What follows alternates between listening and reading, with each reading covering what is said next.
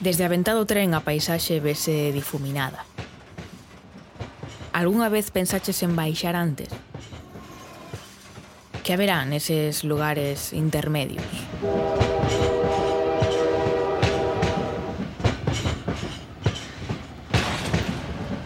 Non sei. Eu non o pensei nunca e a verdade é que isto non vai de trens. Pero si vai de lugares. Mm, lugares que por outra banda probablemente non teñan estación. Entón, como se chega a eles? Próxima estación, a Limia, unha corrente de esquecemento.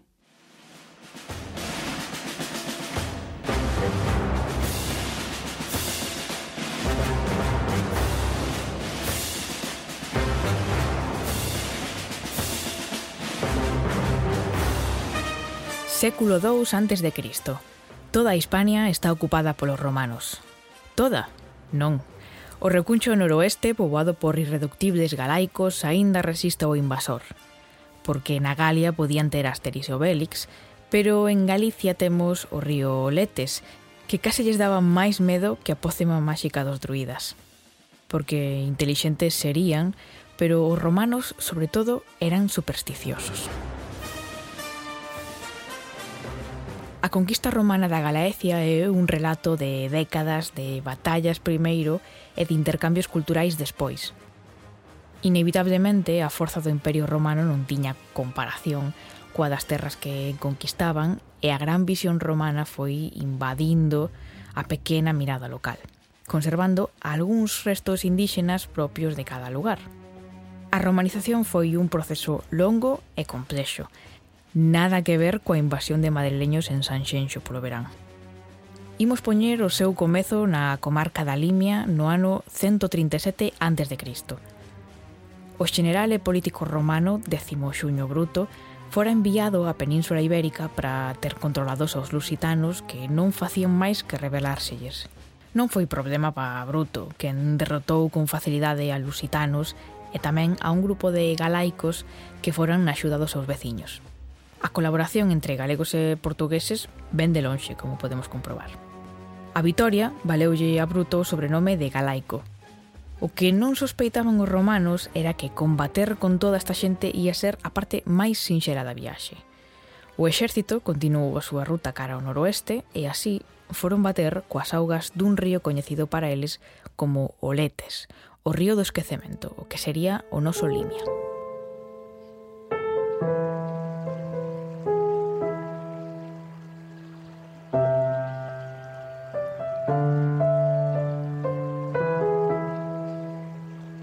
Ese terrorífico río Limia nace nas montañas de Ourense a 975 metros de altura, no monte Talariño, e desemboca no Atlántico por Viana do Castelo, logo de 108 kilómetros serpenteando entre Galicia e Portugal.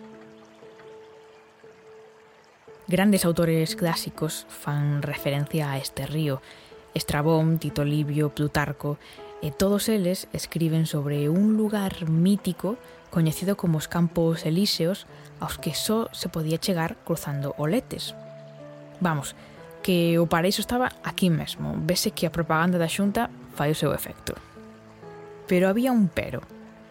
Todo aquel que cruzara oletes podía perder a memoria, esa capacidade que temos de recordar nomes, de recordar caras, sons, sabores, olores, é o que lle dá certo sentido á vida.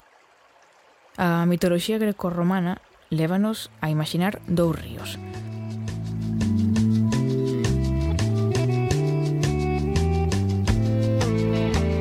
Ao morrer, todos debemos enfrontarnos ao seguinte dilema. Ou beber das augas do letes e esquecer todo, ou beber do nemósine e lembrar todo. Así de primeiras pode parecer mellor recordar, pero esquecer e ter a oportunidade de comezar de cero tamén pode ser tentador.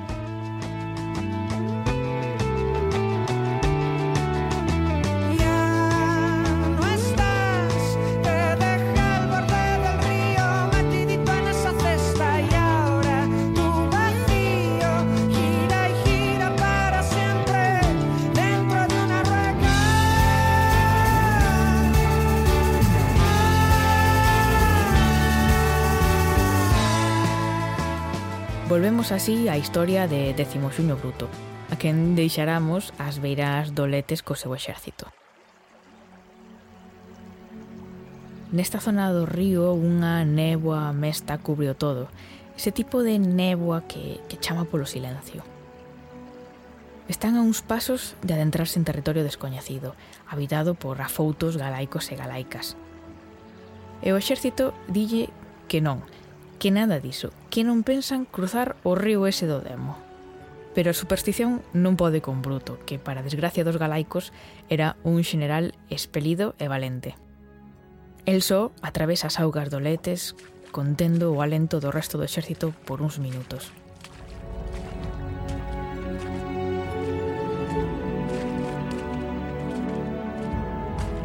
Chega ao outro lado e desde ali chama nome por nome un por un aos seus compañeiros, demostrando moi astutamente que non esquecera nada.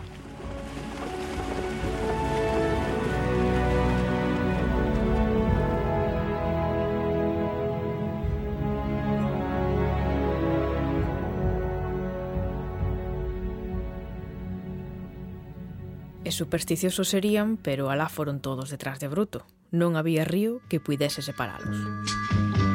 Música Listen, baby, ain't no mountain high, ain't no valley low, ain't no river wide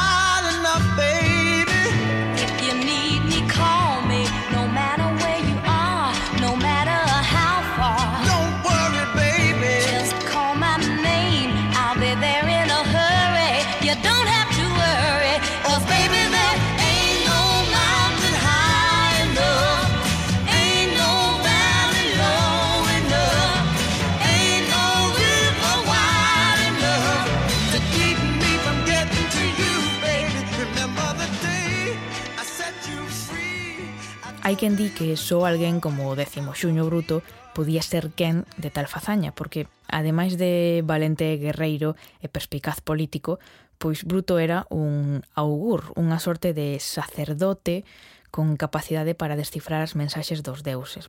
Algún deses deuses pois chivaríalle que aquel era un río normaliño, que non había nada que temer. Na mitoloxía non hai un só relato verdadeiro. Todos coexisten de algunha maneira e mesturan os seus fíos para tratar de entender a historia, que en moitas ocasións ten menos épica da que nos queren contar.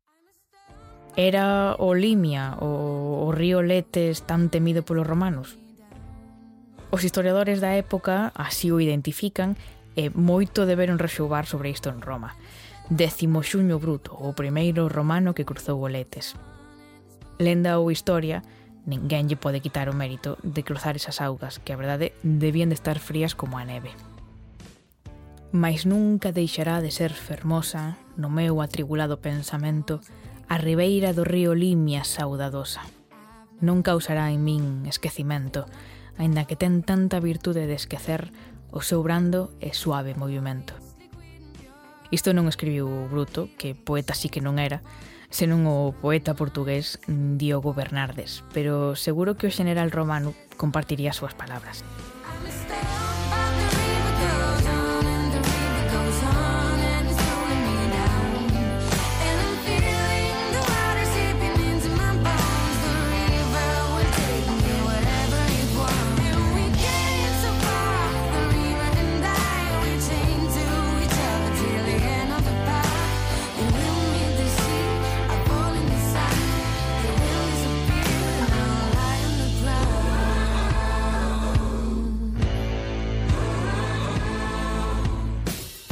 coa campaña de 10 xuño bruto comeza o proceso de romanización deste territorio da península que entón pasaría a chamarse a Galaecia. Terras míticas e fantásticas onde podías perder a memoria e desde as que observabas a fin do mundo e o sol morrer no océano. Despois de Bruto virían Craso, Perpenna e mesmo Xulio César – As guerras rematarían no 19 a.C. e Galaecia sería ese territorio administrado desde tres cidades clave, Astúrica Augusta, Brácara Augusta e Lucus Augusti. Para o poder romano era entón imprescindible ter estas cidades ben comunicadas. Crearon así unha rede de camiños entre os que se atopa a Vía Nova que imos percorrer agora. É curioso que taquela era máis doado chegar a Lugo do que hoxe en día.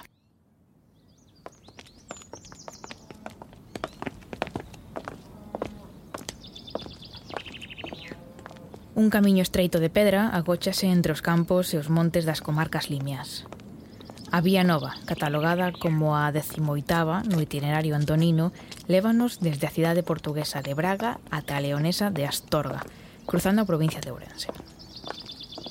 A vía entra en Galicia pola Portela do Home, no Parque Natural da Serra do Xurés, Este anaco de vía é o que máis miliarios conserva de toda Europa. Eses postes de, de pedra que marcaban o itinerario cada mil pasos. Podemos imaginala hoxe en día como un camiño de Santiago no que imos percorrendo kilómetros e atopando pois albergues nos que pasar a noite. Os albergues romanos eran as mansio, uns lugares de hospedaxe que se instalaban nas vías para poder descansar.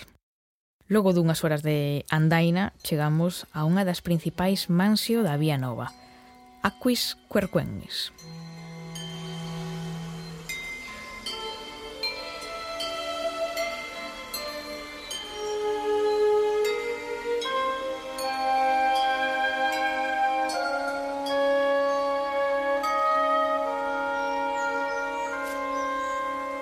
Literalmente significa lugar de augas termais e carballos.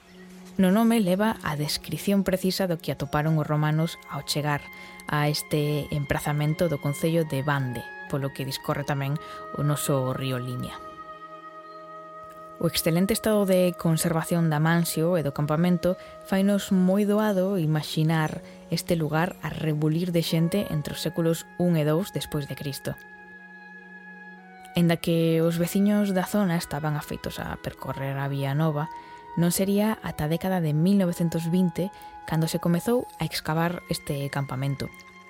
Foi o historiador e antropólogo Florentino López Cuevillas o encargado dos primeiros traballos científicos, acompañado polos seus colegas Vicente Risco e Otero Pedrallo. Eles escriben por primeira vez sobre este lugar no número 5 da revista Nos. Pero chegou a ditadura e chegou o silencio. Incluso o patrimonio romano se viu afectado polo goberno franquista que tiña mellores plans para aquel lugar. Que hai mellor que o legado cultural romano? Pois un embalse.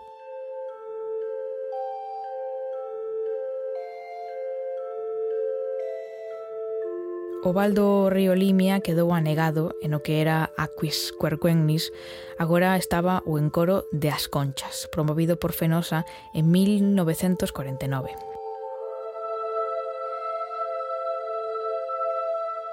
O tempo fixo o seu traballo. Xa non facía falta cruzar ningún río. O campamento caera nas augas do esquecemento. Hoxe, incluso cun nivel de excavación e coñecemento do lugar moito maior, poder ver o campamento en todo o seu esplendor depende do nivel da auga.